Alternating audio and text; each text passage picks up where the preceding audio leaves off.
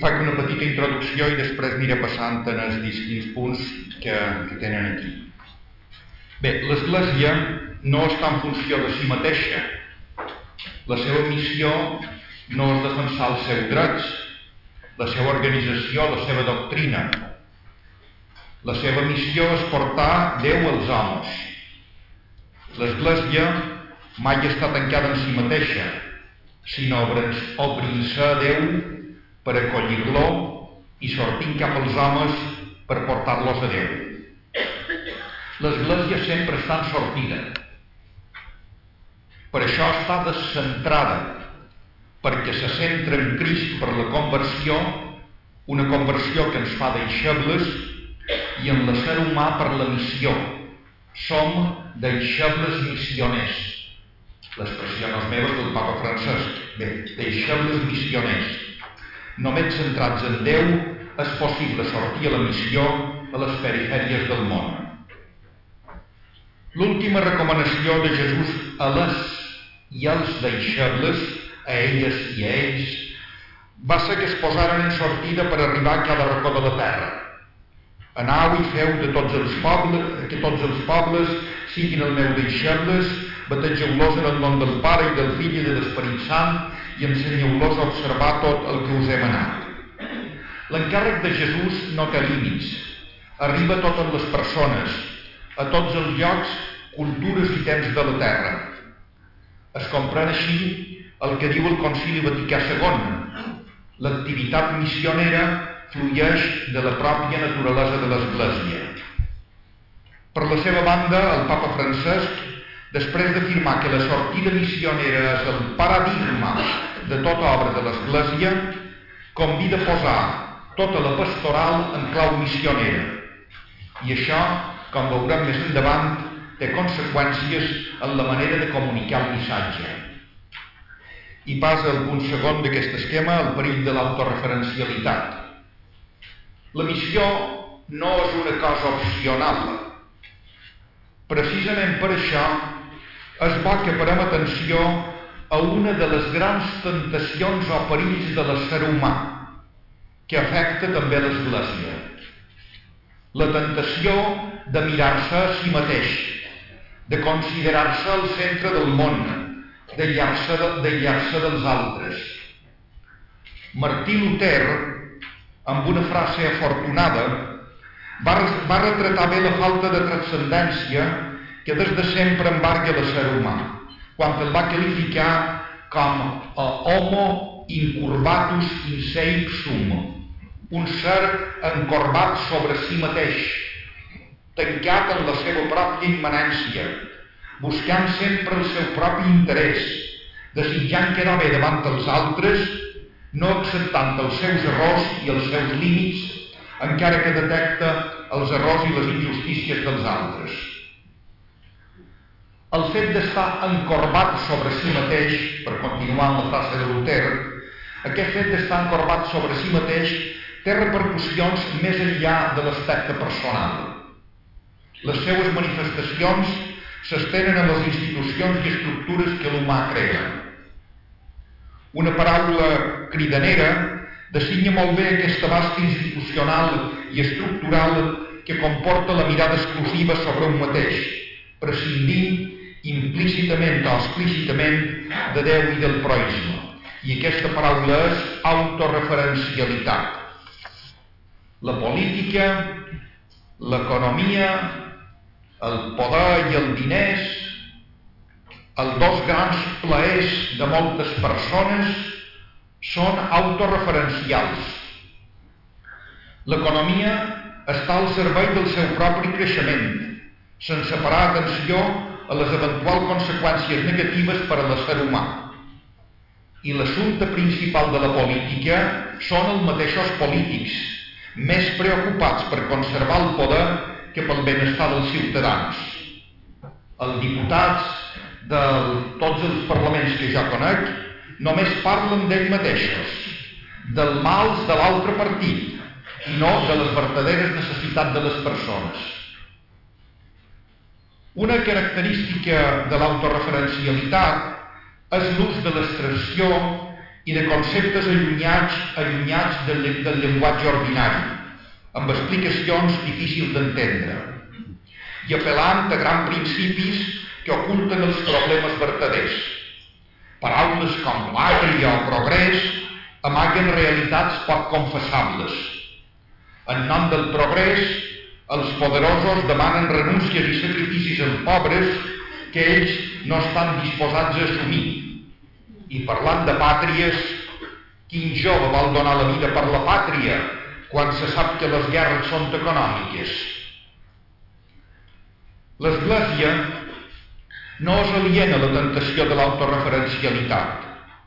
Un exemple senzill, que podria ser la punta de l'iceberg d'un problema més seriós i profund, és valorar la qualitat en funció de les xifres, és a dir, mirant a l'institució mateixa, quan novicis té la congregació, quants seminaristes té la diòcesis, quantes parelles se casen per l'església, quanta gent assisteix a les eucaristies dominicals. No és clar que les baixes xifres actuals siguin signe d'una mala evangelització o una mala vivència de la fe i que els números alts d'antany foren signe d'una fe, fe seriosa, adulta i profunda. Potser eren signe d'una fe sociològica, superficial però no personalitzada ni ben assolida. El papa Francesc s'ha referit a l'autoreferencialitat com un, com un dels perills més destructors de l'Església. Quatre mesos després de la seva elecció, en un discurs dels bisbes brasilers, va comentar l'episodi dels dos deixebles que van cap a Emaús. El camí d'Emaús és el signe del que abandonen l'Iglésia, dels qui s'allunyen de Jerusalem, on està la comunitat dels deixebles. Per què abandonen l'Església? Demanava el papa, demanava, sí, demanava el papa, ja era papa, quan va fer aquest discurs. Pot ser d'ell, creuen que l'Església ja no pot oferir res significatiu i important. Tal vegada l'Església s'ha mostrat massa allunyada de les seves necessitats massa pobre per a respondre a les seues inquietuds, massa freda envers ells, massa autoreferencial, presonera del seu propi llenguatge rígid. Resulta pertinent aquesta crítica a una església autoreferencial presonera del seu propi llenguatge. Quan l'església no sap parlar el llenguatge del món, L'Evangeli no es comprès pel món. Una església tancada en si mateixa, una església que, sota pretext de màxima ortodoxia i fidelitat, sempre repeteix el seu discurs en un llenguatge que el món no comprèn, un llenguatge que, sem que sembla esotèric, no pot dialogar amb el món, perquè el diàleg suposa punts de trobada i un llenguatge que els interlocutors puguin entendre. Aquesta església autorreferencial, continua dient francès, s'ha convertit per al món en una relíquia del passat. El fet és, són paraules del papa, que actualment n'hi ha molts com els dos deixebles de Maús. No solament els que busquen respostes en els nous i difusos grups religiosos, sinó també aquells que semblen viure ja sense Déu tant en la teoria com en la pràctica. Davant d'aquesta situació el papa es pregunta què fer? I respon fa falta una església que no tingui por d'entrar en la seva nit. Necessitem una església capaç de trobar-se en el seu camí. Necessitem una església capaç d'entrar en la seva conversa, Necessitem una església que sàpiga dialogar amb aquells deixebles que ben fugint de Jerusalem vaguen sense una meta sols amb el seu desencantament en la decepció d'un cristianisme considerat ja estèril, infecund, impotent per a generar sentit.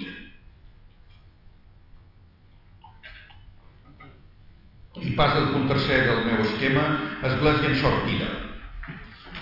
Una església que no tingui por d'entrar en la nit de les persones, una església que en comptes de demanar a la gent que entrin en els nostres temples sigui capaç d'acompanyar la gent pel seu camí, una església capaç d'entrar en la conversa del que no parla en el nostre llenguatge, és el contrapunt de l'autoreferencialitat, que el papa qualifica d'església en sortida. L'església en sortida, diu Evangeli Gaudium, és la comunitat dels deixebles que s'involucren, que acompanyen, que fructifiquen i festegen. L'església en sortida sap avançar-se, prendre l'iniciativa sense por, sortir a l'encontre, buscar allunyats i arribar als encreuaments dels camins per a convidar els exclosos. Acompanya l'humanitat en tots els seus processos, per més durs i prolongat que siguin. Troba la manera que la paraula s'encarni i doni fruits de vida nova, encara que en aparença siguin imperfectes i inacabats. Bé, segons un pressupost ben conegut de Tomàs d'Aquino, la gràcia pressuposa la naturalesa. Doncs bé, l'església en sortida pressuposa una dada antropològica de primer ordre, a saber, que la vida se creix no quan tu la guarda per a ell, sinó quan tu la dona. La vida s'aconsegueix i madura a mesura que és entregada per a donar vida als altres. Després d'aquesta dada antropològica, el papa fa, fa l'aplicació que li interessa. Això és en definitiva la missió.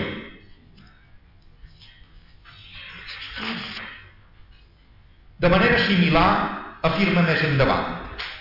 Sortir de si mateix per unir-se a uns altres fa bé. Tancar-se en si mateix és provar l'amarga verí de l'immanència i l'humanitat sortirà perdent en cada opció egoista que fem. Aquesta dada antropològica és plenament, plenament evangèlica Mateu 16:25 i el qui guarda la vida, la seva vida la perd, però el que entrega la vida per l'Evangeli la guanya. Una església tancada en si mateixa, una església que només pensa en el seu prestigi, és una església que s'empobreix. Una església en sortida, a l'encontre de les persones, és una església que escolta, que coneix els problemes, és una església que s'enriqueix perquè descobreix noves virtualitats de l'Evangeli i noves possibilitats de fer el bé. L'encontre amb els pobres és un bon exemple. Aquest encontre, ells, els pobres, ens han fet adonar-nos d'algunes exigències de l'Evangeli que sense aquest encontre no hagueren descobert. En fer el bé l'Església descobreix com n'és de valuosa i la presència, la presència amagada del seu Senyor en tantes persones necessitades. Tancada en si mateixa, viu en un plany permanent. Que malament està el món i que poc ens volen. El lema Església en sortida té el, té el seu origen en la cinquena conferència del CELAM celebrada al Santuari Brasiler d'Aparetida. En el document d'Aparetida es tracta de sortir a l'encontre de tantes persones que s'han allunyat de l'Església. En francès, l'Església en sortida ha ampliat els seus horitzons, encara que roman el sentit missional, missional de fons, que d'altra banda és definitori de l'Església. Cal anunciar l'Evangeli, paraules de Francesc, que tots, en tots els llocs, en totes les ocasions, sense demores i sense por. L'Església surt per a trobar-se amb l'home en l'objectiu de portar-li alguna cosa, però no surt de qualsevol manera, perquè el que porta, el que porta l'Església està marcat per l'amor i l'amor no s'imposa, I a més, l'amor sempre relacional, bidireccional. D'aquí l'encert de l'imatge de les portes obertes. L'Església obri portes perquè uns altres entrin, per ampliar horitzons, per fer que la casa creixi, de manera que en ella capien tots. Un quart d'aquesta xerrada, església en les portes obertes. L'església en sortida és una església en les portes obertes. Portes obertes precisament per a poder sortir, per a no quedar tancat, tancats dins dels nostres murs i sortir cap als altres per arribar a les perifèries humanes, per a mirar els ulls i escoltar o per acompanyar el que es va quedar a la vora del camí. Les portes obertes no sols permeten sortir, també permeten entrar sense dificultat, entrar al qui està fora, unes vegades perquè se'ls ha tirat, unes altres perquè no se'ls ha facilitat l'entrada, i altres perquè no volen entrar, bé perquè no saben el que hi ha dins o perquè pensen que el que hi ha dins no els interessa. Francesc diu que un dels signes concrets d'aquesta obertura tenir temples en les portes obertes a tot arreu. Encara que, com veurem de seguida, les portes obertes que interessen al papa són les dels sagraments. Les portes obertes requereix alguns canvis estructurals que facilitin l'entrada del que estan fora i l'eixida del que estan dins. I aquest punt 4.1 que tenen aquí les estructures, el deix, s'han de canviar les estructures, ja dit qualque cosa el senyor Cardenal. Bé, ho deix perquè el rellotge també també corre. I passa en el punt 4.2, entrada del que estan fora. A més, el canvi d'estructures és una cosa que s'ha de plantejar cada diòcesi i cada parròquia. No, no val una, diguem, norma, norma universal. Bé, 4.2, entrada del que estan fora. Les portes estan obertes perquè tots puguin participar en la vida eclesial i integrar-se en la comunitat. Conseqüència immediata. Les portes dels sagraments no han de tancar-se per una raó qualsevol.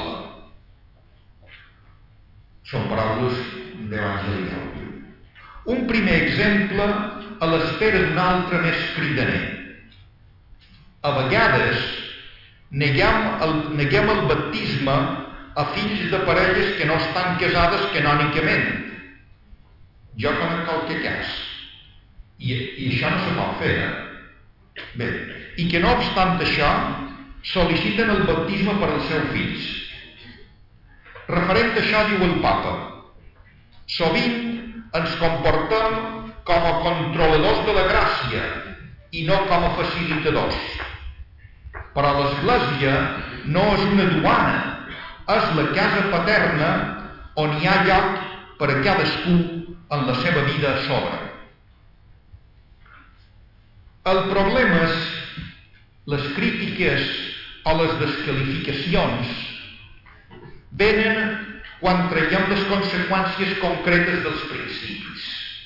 Mentre ens quedam amb el terreny dels, dels principis no passa res els problemes són les conseqüències. Però les coses concretes són les que de veritat importen, perquè aleshores estem parlant de persones.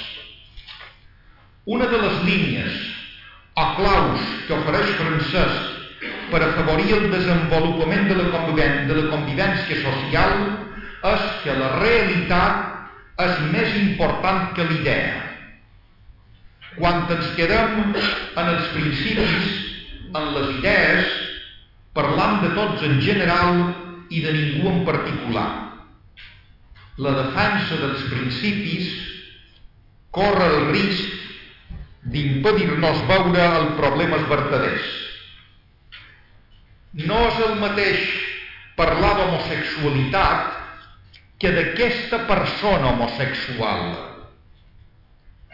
No és el mateix parlar de divorci que d'aquesta persona que intenta refer la seva vida. Em sembla que el pressupost d'un dels escrits més rellevants de Francesc, el referent al matrimoni i a la família, ha sigut precisament aquest. No és el mateix parlar del matrimoni que del meu matrimoni. Segons de quin pressupost es partisca, la reflexió i la solució anirà en una direcció o una, o una altra, en una altra direcció. En Evangeli Gaudium s'anuncia un principi que en Amoris Letícia s'aplicarà a una situació concreta, aplicació que ha sigut mal acceptada en alguns cercles. El principi és l'Eucaristia no és un premi per als perfectes, sinó un aliment per als febles. Amoris Letícia es pregunta sobre, sobre les condicions en què els febles poden rebre aquest aliment. Aquests matrimonis que fan el que poden, que viuen en una situació canònica irregular i fins i tot en una situació objectiva de pecat. Com que no totes les situacions objectives impliquen una culpabilitat subjectiva, és possible, en tals situacions, viure en gràcia de Déu i créixer en la vida de la gràcia i de la caritat, rebent per això l'ajuda de l'Església. Són paraules literals del Papa. Eh? I en uns certs casos, continua dient, en uns certs casos, tot està molt matisat, l'ajuda dels sacraments sense excloure, excloure l'Eucaristia. Bé, punt 4.3, sortida del pistàndics. Després de l'entrada del de fora, anem amb la sortida del de dins, a l'encontre de qui hem d'anar. Quan un llig l'Evangeli, diu Francesc, es troba amb una orientació contundent. No tant els amics i veïns rics, sinó sobretot els pobres i malalts, aquells que solen ser menisprenyats i oblidats aquells que no tenen en què recompensar-te. No han de quedar dubtes ni caben explicacions que afablisquen aquest missatge tan clar. Avui i sempre els pobres són els destinataris privilegiats privilegiats de l'Evangeli i l'evangelització dirigida gratuïtament a ells és signe del regne que Jesús va venir portar cal dir sense embuts que existeix un vincle inseparable entre la nostra fe i els pobres. Certament, l'Evangeli no és un programa social, és una bona notícia. La notícia de que Déu és amor i en Jesucrist ens ha revelat el seu amor fins a l'extrem. Ara bé, l'acolliment de l'Evangeli té conseqüències en la vida personal i en el nostre comportament social. Hi ha una íntima connexió, o millor, una relació intrínseca entre evangelització, promoció humana i opció pels pobres, que necessàriament ha d'expressar-se i desenvolupar-se de desenvolupar en tota acció evangelitzadora. La preocupació pels pobres, la promoció de la justícia i el compromís de l'Església en la transformació de les estructures han d'estar molt, molt presents en la nostra predicació. La religió no és un assumpte intimista i individual. Té influència en les estructures i en els esdeveniments que afecten els ciutadans. Francesc qualifica l'opció pels pobres de categoria teològica i cita Joan Pau II, que deia sense l'opció preferencials pels més pobres, l'anunci de l'Evangeli corre el risc de ser incompres. Tot això ens condueix a plantejar-nos la necessitat d'enfrontar-nos amb les causes estructurals de la pobresa, que no es resolen en la sola autonomia dels mercats sinó adoptant les mesures polítiques que s'imposen. L'opció pel pobres ha portat el magisteri recent de l'Església a recordar una posició doctrinal que té les arrels en la doctrina de Tomàs d'Aquino, a saber, el destí universal del béns i les conseqüències que això té sobre la mal anomenada propietat privada. El papa Francesc s'expressa així sobre aquest assumpte en continuïtat amb el que havia firmat el Vaticà II i Joan Pau II. La tradició cristiana mai va reconèixer com absolut i intocable el dret a la propietat privada. Aquí hi ha un canvi amb el magisteri de León XIII i el de Joan Pau II i Francesc. Perquè aquestes paraules de Francesc són cites literals de Joan Pau II. Jo ho faig notar moltes vegades quan diuen oh, quines coses diu en Francesc. Bueno, ja ho deia Joan Pau II, eh? això, val, de la propietat privada. Val. És que la fe no canvia, això està clar. El que canvia és la doctrina, clar. No pensar en el mateix dels nins o dels, dels infants, dels infants, dels infants morts sense baptisme que, que el que pensava Sant Agustí mira molt. Sant Agustí pensava que anaven a l'infern. Bé, ho deixo, ho deixo. Ja continuo amb, amb el meu text.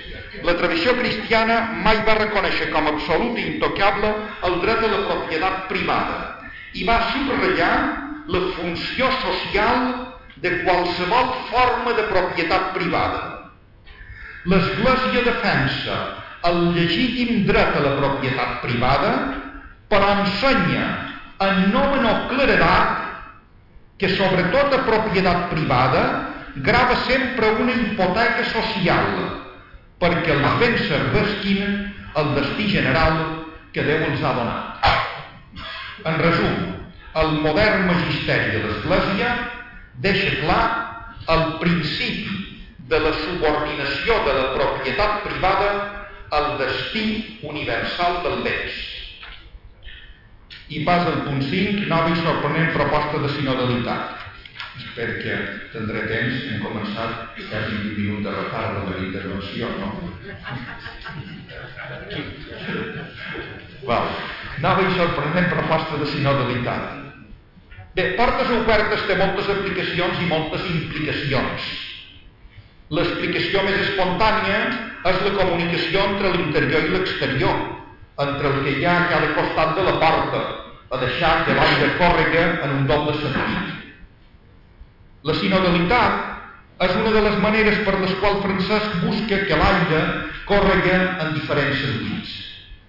Sinodalitat és caminar junts, però junts en llibertat, perquè es pot caminar junts de forma forçada o obligada. Per a caminar junts en llibertat el diàleg és absolutament necessari perquè tots puguem ajustar el pas de manera que no impedisca el pas dels altres. Això requereix capacitat d'escolta, capacitat de cedir i de collir. Comença amb el diàleg amb el de dins. En primera instància, sembla que la sinodalitat és pròpia del que estan en el mateix vaixell en el mateix grup. El diàleg entre el de dins, fet en tota llibertat, que el diàleg ha tingut dos resultats. Un, l'exhortació apostòlica sobre l'amor de la família. El document Amoris de Tícia vingué precedit de dos sínodes que en els anys 2014 i 2015 van abordar qüestions de moral sexual i familiar, àmpliament divulgades pel mitjà de comunicació. Una de les novetats d'aquests sínodes va ser que el papa va demanar que es parlara en claretat sobre, i sense por, sobre qüestions que sempre s'havien tractat en l'Església amb molta prudència i, per dir-ho d'alguna manera, sense sortir-se'ns dels camins ja traçats.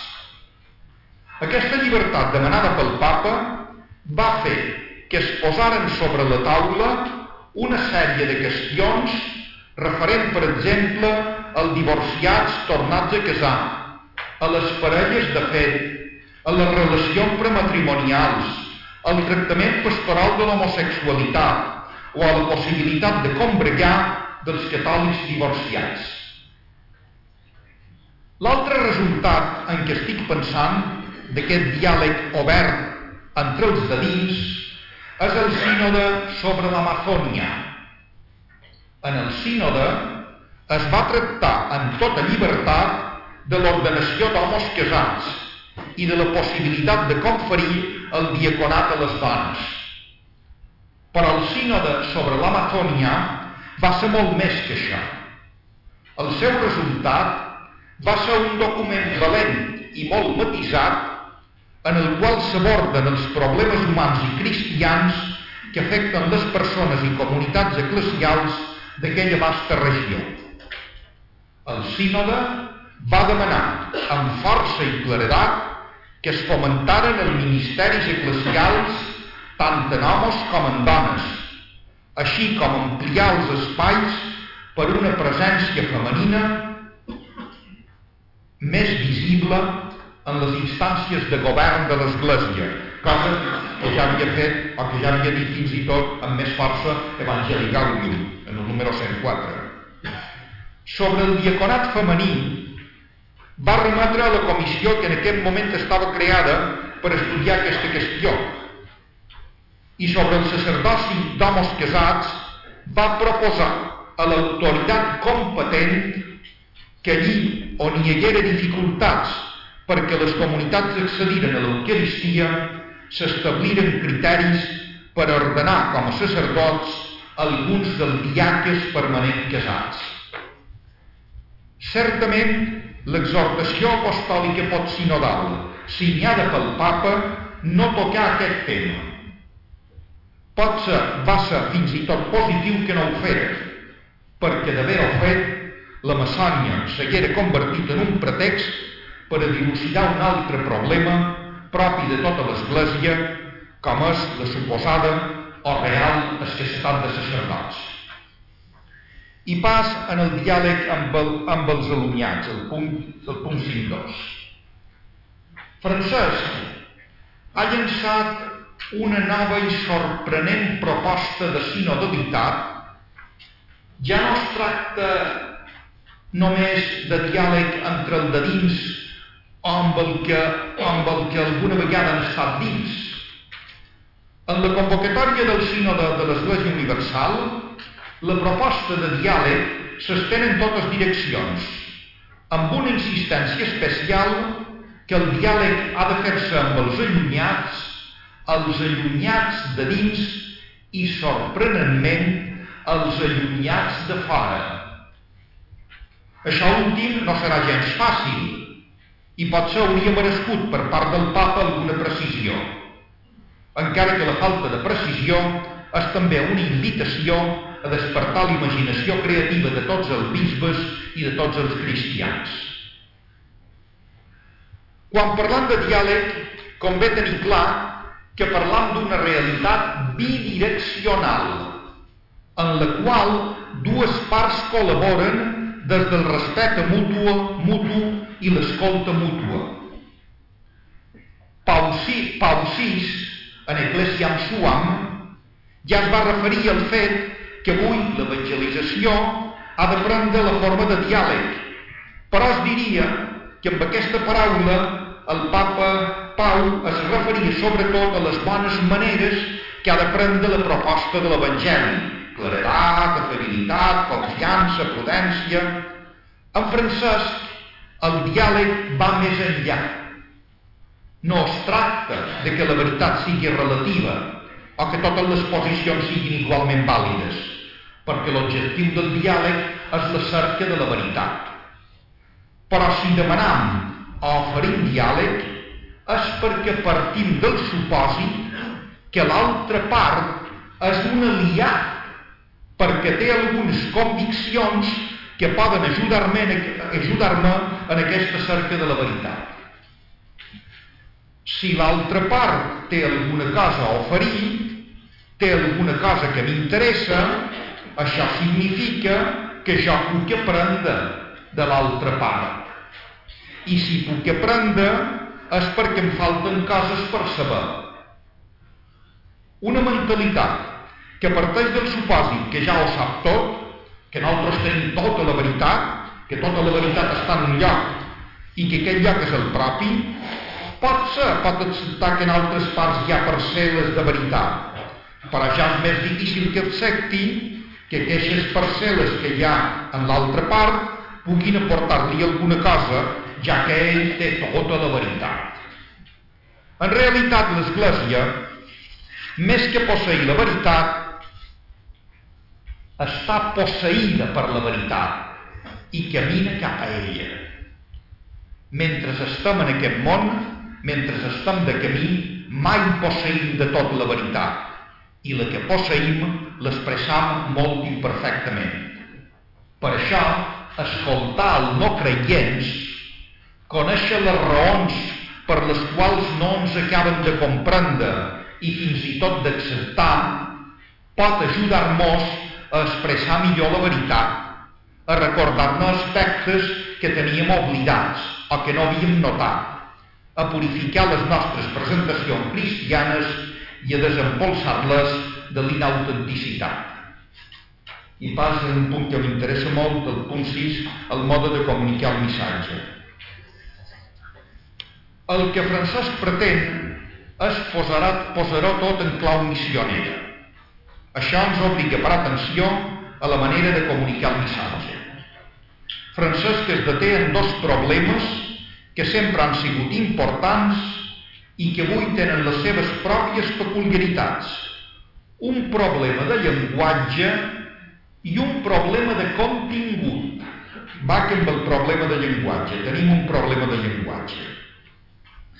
El Concili Vaticà II ja va deixar dit que l'adaptació, l'adaptació de la predicació de la paraula revelada ha de mantenir-se com a llei de tota l'evangelització. L'adaptació, no la repetició. Tant que alguns no han sabut adaptar-nos i continuam còmodament repetint fórmules catequètiques o dogmàtiques que molts no entenen. Com que no els entenen, no poden acollir-les degudament. En aquesta línia, Francesc ofereix unes consideracions interessants. Diu, han d'expressar les veritats de sempre en un llenguatge que permeta advertir la seva novetat permanent. No es tracta d'oferir una nova veritat o d'acomodar o reduir la revelació perquè no resulti xocant o sigui més, més fàcilment acceptada. Es tracta de dir-la de manera que sembli nova, perquè en resultar nova desperta l'atenció de l'oient i així l'oient pot plantejar-se si vol acollir-la. A vegades, diu el papa, escoltant un llenguatge completament ortodox, els que els fidels reben a causa del, del llenguatge que ells utilitzen i comprenen, és una cosa que no respon al verdader Evangeli de Jesucrist. És un advertiment molt seriós. Busquem ser ortodoxos i no responem a l'Evangeli. En nom de la màxima ortodoxia podem transmetre heterodòxia. Continua dient el papa. En la santa intenció de comunicar-los la veritat sobre Déu i sobre l'ésser humà, en algunes ocasions els donam un fals Déu a un ideal humà que no és veritablement cristià. Són advertiments molt greus.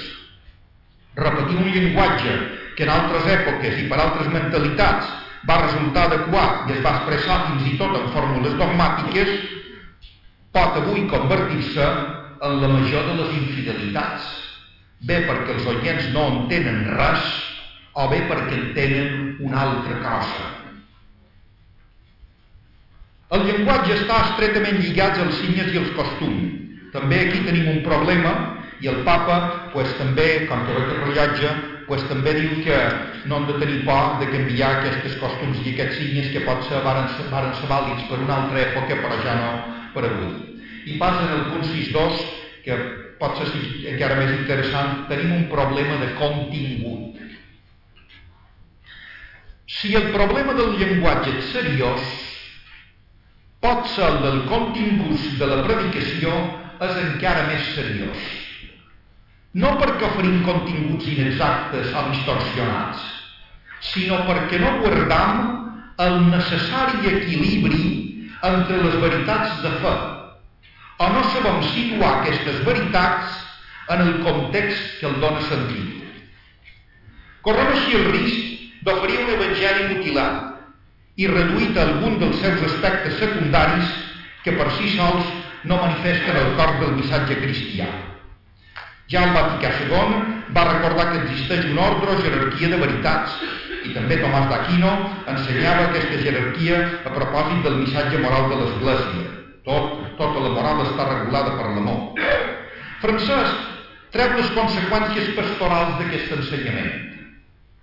En l'anunci de l'Evangeli cal que hi hagi una adequada proporció.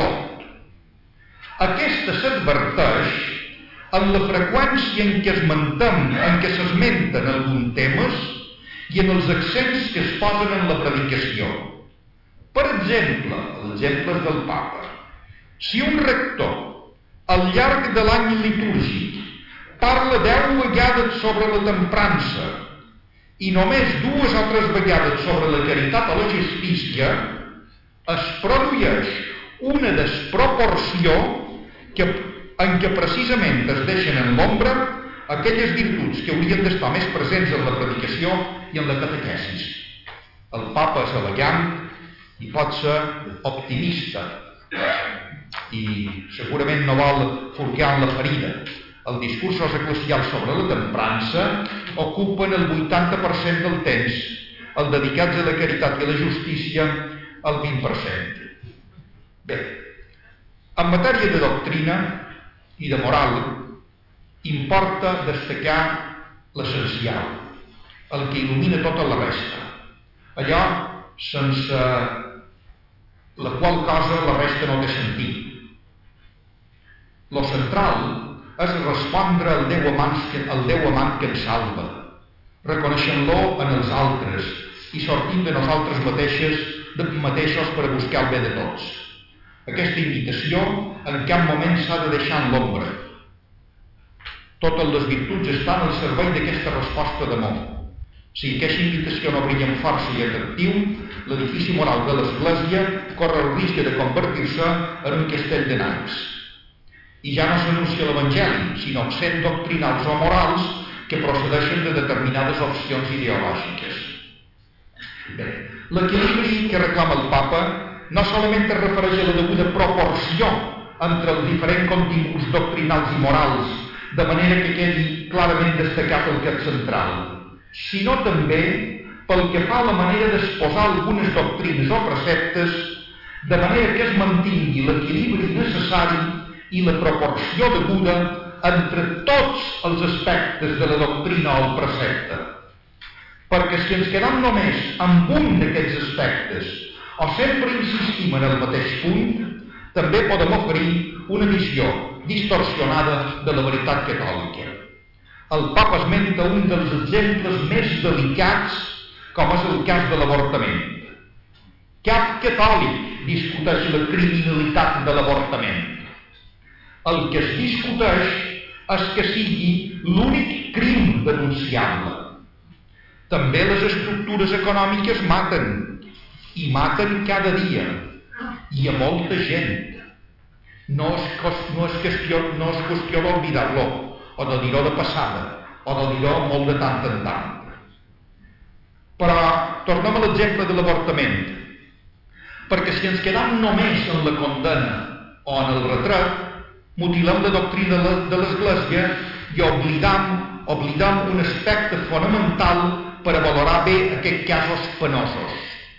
Cal preguntar-se, paraula, paraula sí, frase del papa, cal preguntar-se què han fet per acompanyar adequadament les dones que es troben en situacions molt dures, on l'avortament se'ls presenta com una ràpida solució a les seues profundes angoixes, particularment quan la vida que creix en elles ha sorgit com a producte d'una violació o en un context d'extrema pobresa. Qui pot deixar de comprendre aquestes situacions de tant de dolor? Segur que si les comprenem, les valorarem i tractarem d'una altra manera o d'una nova manera. I va, amb el meu darrer punt, la missió mai és un fracàs. Bé, l'autoreferencialitat ofereix una falsa sensació de seguretat. La sortida pot semblar perillosa perquè ens exposa el vent del món a les crítiques dels que no comprenen i a les crítiques dels que comprenen i no estan d'acord amb allò que senten. Una església sortida és necessàriament humil i està disposada a escoltar per aprendre. L'església en sortida no té, no té por de quedar ferida. Preferís una església accidentada, són paraules crec que un poc conegudes, prefereix que una església accidentada, ferida i tacada per sortir al carrer abans que una església malalta pel tancament i la comoditat d'aferrar-se a les pròpies seguretats. Meva darrera fulla. Eh? El... He guanyat, he guanyat un par de minuts. Eh? És que jo, jo tinc el rellotge sempre de davant i, i li fan molt de cas. Les meves classes acaben quan toca el timbre, no deu ningú després. Bé, el perill major que té la sortida és la sensació d'haver sortit inútilment, d'haver perdut el temps i de no veure resultats. Significa això que l'evangelització no ha sigut eficaç? De cap manera. Significa que els resultats apareixen quan menys s'esperen, en l'hora de Déu, en el moment en què Déu el fas eficaços. Quan preguntem per l'eficàcia de l'evangelització, no poden pensar en resultats immediats o enllornadors. Els resultats poden vindre a curt o llarg termini, però és més lògic que siguin a llarg termini, perquè l'autèntica conversió requereix temps implica desprendre-se de moltes coses, de moltes idees i actituds. És un canvi radical de vida. La fe cristiana necessita temps per a madurar. Jesús ens posa en guàrdia contra les nostres impaciències. No vol que s'arranqui la citzània abans d'hora, com pretenen els seus deixebles. Cal donar temps al creixement. Només en l'hora final serà possible la cega i la separació. Per això, el fruit, el fruit del seu treball pot recollir-los el predicador o pot no veure la collita. Com diu l'Evangeli de Joan, un és el sembrador i un altre el segador. Com molt bé diu el papa francès, no hem d'obsessionar-nos pels resultats immediats. Hem d'estar prestos a suportar amb paciència situacions difícils i adverses o els canvis de plans que imposa el dinamisme de la realitat. Però hi ha més. Hem de saber que Déu pot actuar enmig de fracassos aparents. La fecunditat és moltes vegades invisible. No pot ser comptabilitzada. Un sap bé que la seva vida donarà fruits, però sense pretendre saber com, ni on, ni quan. A vegades ens sembla que la nostra tasca no ha aconseguit cap resultat, però la missió no és un negoci ni un projecte empresarial. No és tampoc una organització humanitària. No és un espectacle per a contar quanta gent va assistir gràcies a la nostra propaganda. És una cosa molt més profunda que escapa a tota mesura. Pot ser el Senyor pren el nostre lliurament per abassar benediccions en un, en un altre lloc del món on nosaltres mai mirem. La tasca del missioner és anunciar l'Evangeli en les seues millors disposicions, sense cansar-se mai de fer el bé, com ha recordat el papa en el missatge de Corema de 2022. La conversió és responsabilitat de cadascú. Sens dubte, com diu Sant Gregori el Gran, el Senyor ve darrere els seus predicadors, però l'acolliment del Senyor ja no depèn del predicador. Sant Tomà d'Aquino constatava amb perspicàcia que veient el mateix miracle i sentint la mateixa predicació, uns creuen i altres no creuen. Perquè se suscita la fe, la predicació és necessària, però no suficient, perquè creure és un acte lliure. El que sí depèn del predicador és anunciar l'Evangeli de manera eloquent i intel·ligible. Aquesta és la seva tasca ineludible i és la millor manifestació del seu amor al Senyor del qual dona testimoni. Dona. I moltes gràcies.